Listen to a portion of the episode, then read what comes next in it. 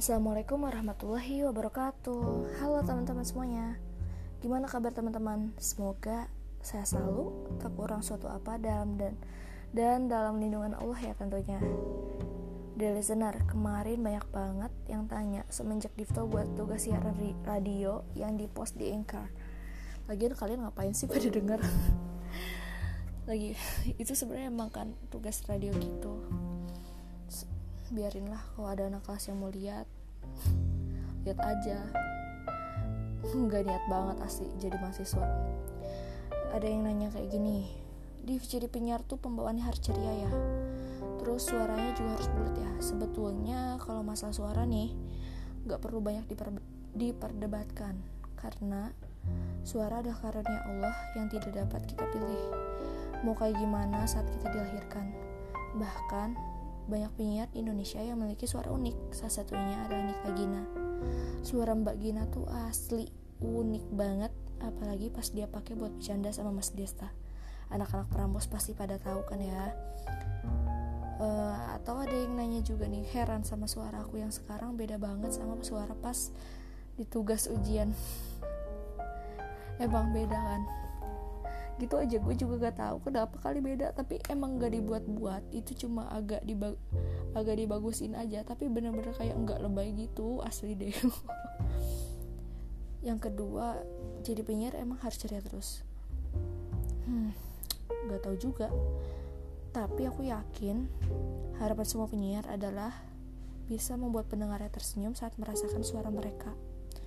Dan senyum sendiri adalah simbol kebahagiaan kalau boleh aku jujur podcast ini suasana suasana hati aku juga lagi kacau. Nggak tahu juga ya alasannya apa. Ingat itu pengen nangis ingat yang tadi pengen nangis. Mana tugas banyak banget lagi. Ya udahlah ya kalau kata Rindik Seduh yang namanya hidup itu ada fase di atas ada fase di bawah. Pumpum lagi sedih nih nikmatin aja dulu jatah jadi manusia be a good human isn't easy. Tapi buat apa kita jadi manusia paripurna kalau nggak sudi merasakan sakit? Toh Nabi yang ahlaknya paling mulia pun disakiti ribuan kali ketika berdakwah. Apa salah satu dari listener ada yang kayak aku kalau lagi sedih? Giliran ke sahabat berani banget nangis puas-puasnya bodoh sama sampai lempar bantal sampai berguling. Tapi giliran ke keluarga sendiri, kita antara malu dan gak tega buat unjukin pedih kita. Apa pun kesedihanmu, ada satu quotes yang klise. Klise banget parah. Sampai-sampai semua umat di dunia bosan dengernya. Hidup itu ujian. Yes, life is a test. Mungkin segala hal buruk itu terjadi karena kita akan naik level. Level apanya?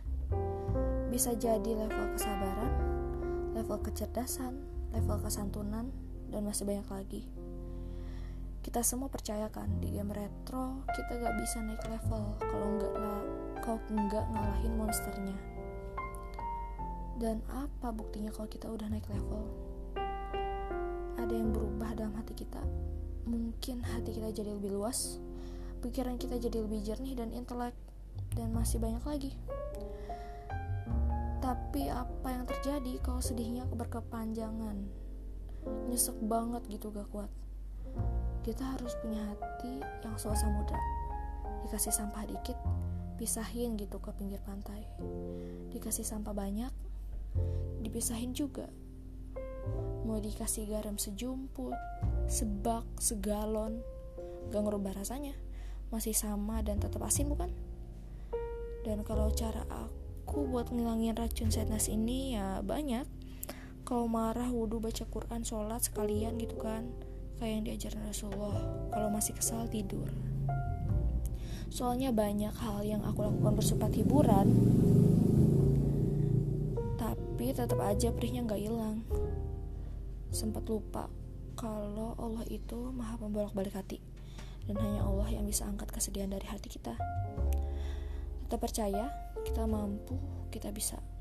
Kalau enggak ngapain kita melangkah sejauh ini terus mimpi yang udah kita susun dari jauh-jauh hari dari sekian puluh tahun yang lalu harus hancur begitu saja karena si sadness itu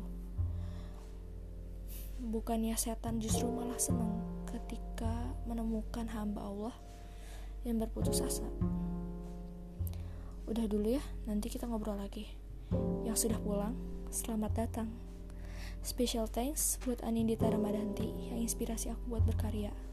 Sekali lagi, bagi listener yang ingin kenalan, diskusi, dan ngobrol, bisa kontak aku di Instagram @difto. Merci, arigato gozaimasu, syukron. Assalamualaikum warahmatullahi wabarakatuh.